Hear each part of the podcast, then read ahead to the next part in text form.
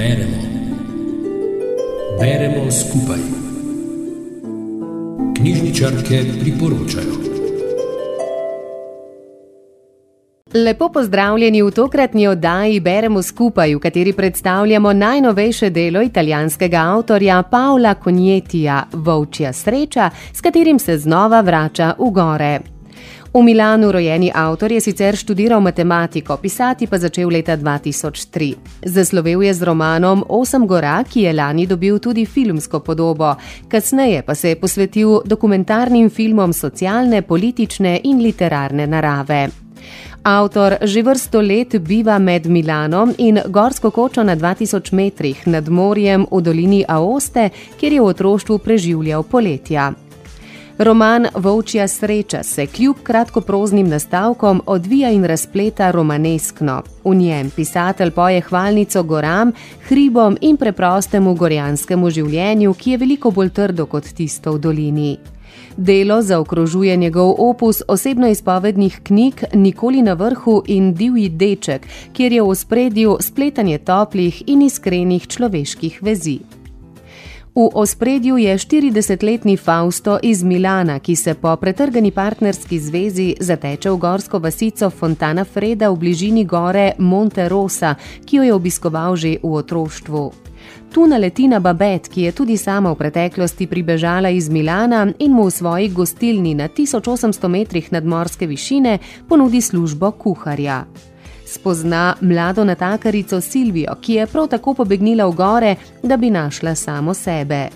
Mlada in neodločena ne ve, ali gore pomenijo le zimsko zatočišče ali trajno hrepenenje.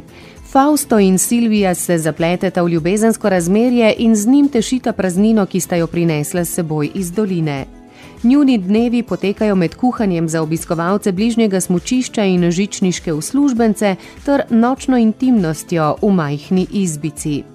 Spoznamo še nekdanjega gozdnega čuvaja Santorsa, poimenovanega po starem irskem menihu, ki prerad pogleda v kozarec in je redni obiskovalec babetine gostilne. Zadolžen je za teptanje smučarske proge. Prišlek svojo gorjansko držo se mu močno prikupi. Tudi Fausto kmalo ujame nov ritem v skrbi za druge. Pristane točno tam, kjer si je želel biti, v gorah. Tu pa, poleg iskrenih stikov s ljudmi, najde tudi samega sebe in svojo srečo. Izvemo, da se je Fausto pred prihodom v gore ukvarjal s pisanjem ljubezenskih zgodb. Študij na univerzi je opustil, ker je bil prepričan, da ga nima nič naučiti. Ko se je ljubezenskih zgodb naveličal, je začel z veskom v nahrbtniku hoditi v gore in pod milim nebom skušal besediti to, kar ga je obdajalo. Romaneskno dogajanje je postavljeno v kmečko pokrajino, surovo in z gozdom zaraščeno deželo, nad katero se dvigajo mogočne gore in ledeniki, s katerih se nenehno sprožajo snežni plazovi, ki pod seboj pokopavajo številne alpiniste in gornike. To je tudi področje vetrolomov, kamor občasno zaidejo volkovi in pobijajo rejcem živino na visokogorskih pašnikih. Avtorjevo pisanje prepoznamo po jasnem pogledu na medosebna razmerja in razmerja posameznikov z naravo. Kanjeti je veliki so renljivi in nemirni, ubežniki ali povratniki, kakor odnegdaj poznani prijatelji. Knjiga sama navdaja bralca z občutkom, da se sprehaja skozi letne čase oziroma skozi življenje samo.